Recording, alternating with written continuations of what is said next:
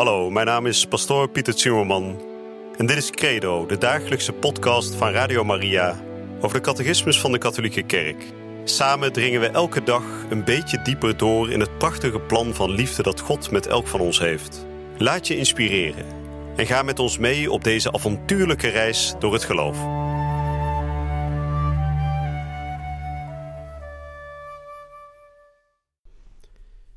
Vrienden, van harte welkom terug bij deze nieuwe uitzending van Credo, de dagelijkse podcast hier bij Radio Maria. En zoals ik in de vorige uitzending heb aangekondigd, zijn we weer gekomen aan het einde van een paragraaf. En dat betekent dat we weer even de boel gaan samenvatten. Dat stukje heet steeds in het kort, dus ook vandaag zullen we weer in het kort even gaan uh, bekijken wat we de afgelopen dagen hebben gezien. En nou ja, waar hebben we over gesproken? We hebben natuurlijk over de engelen gesproken. We hebben over um, Gods schepping gesproken, de zichtbare schepping, de geordendheid van de schepping, de verscheidenheid van alle schepselen. En we hebben tot slot ook gesproken natuurlijk over de Sabbat en de achtste dag. Nou, we zullen dus uh, zo even ons geheugen gaan opfrissen. Um, ja, u zult waarschijnlijk niet veel nieuws horen vandaag, maar toch goed om het nog even een keer uh, te herhalen. En zoals gebruikelijk zal ik ook vandaag weer beginnen met gebed. Het kan zijn dat deze uitzending iets korter wordt dan andere, want het zijn maar vijf uh, korte nummers die ik vandaag behandel. Maar toch wordt er kernachtig wel veel gezegd. En juist door de herhaling zullen we zien dat ook alles wat we gehoord en geleerd hebben ook echt blijft hangen en ook vrucht kan gaan dragen in ons leven. Nou, ik zal vandaag weer beginnen met een gebed tot de engelen. Ik heb van de week al een keer tot de engelen gebeden, tot onze engelbewaarders. Dat ga ik vandaag weer doen. Wel een ander gebed vandaag van de heilige Johannes Bergmans. Omdat we natuurlijk aan het begin van deze uh, paragraaf uitgebreid hebben gehoord over wie die engelen zijn. En om te voorkomen dat we alleen maar in kennis doordringen, hè, in theorie, wil ik ook die, die engelen ook echt aanroepen, zodat ze ons begeleiden met deze catechese en sowieso begeleiden in ons geloofsleven. In de naam van de Vader en de Zoon en de Heilige Geest. Amen. Heilige aan God zo dierbare engelbewaarder, die mij van mijn geboorte af aan uw gezegende zorg is toevertrouwd, die mij voortdurend beschermt, verlicht en geleidt. Ik vereer u als mijn behoeder, ik bemin u als mijn bestuurder. Ik onderwerp mij aan uw tedere zorg en geef mij geheel aan uw leiding over. U smeek ik daarom nederig bij onze Heer Jezus Christus, dat gij mij niet aan mijn lot overlaat, hoe ondankbaar en aan uw ingevingen weerspannig ik ook ben. Breng mij welwillend op de goede weg terug, wanneer ik afdwaal. Schenk mij licht wanneer ik onwetend ben. Richt mij op wanneer ik moedeloos neerlig. Troost mij wanneer ik bedroefd ben. Wanneer ik gevaar loop, verlos mij daarvan. Totdat gij mij het eeuwige geluk van de hemel binnenleidt. Nou, na dit mooie gebed van de heilige Johannes Bergmans, die een hele innige band had met zijn engelbewaarder, en van wie we veel kunnen leren op dat vlak, zullen we nu de korte samenvatting gaan lezen van de afgelopen nummers die we de afgelopen dagen hebben behandeld. En vandaag zal ik behandelen met u de nummers 350 tot en met 354. In het kort. De engelen zijn geestelijke wezens die God onophoudelijk verheerlijken en die zijn helsbesluiten dienen, die helzaam zijn voor de andere schepselen.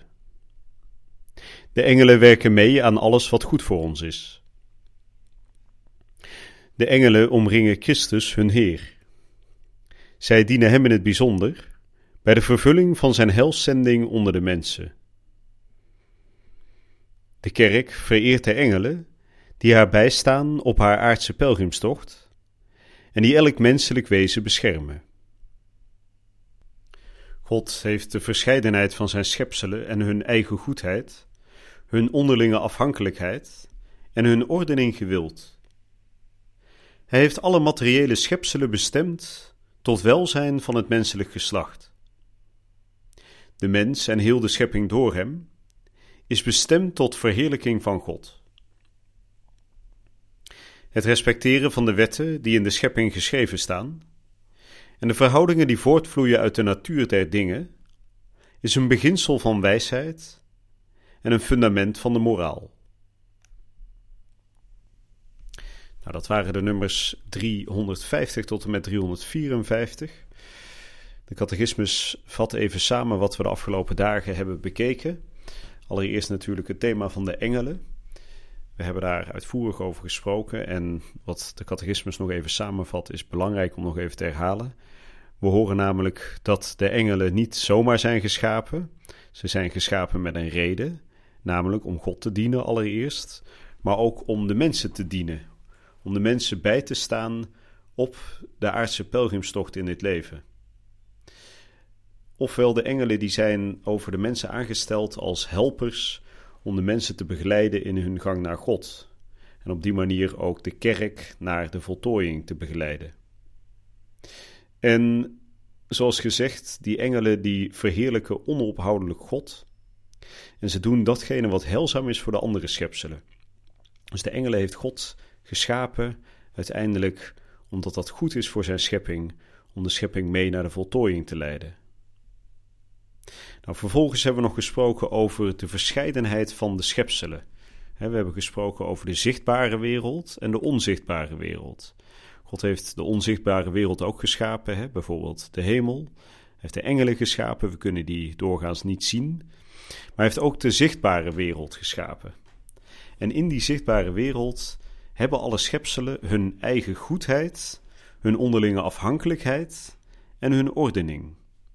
Hun eigen goedheid wil zeggen het feit dat God zijn schepping heeft gemaakt, betekent dat zijn handtekening in die schepping zit en dat die handtekening een goede handtekening is, dus dat zijn schepping goed is.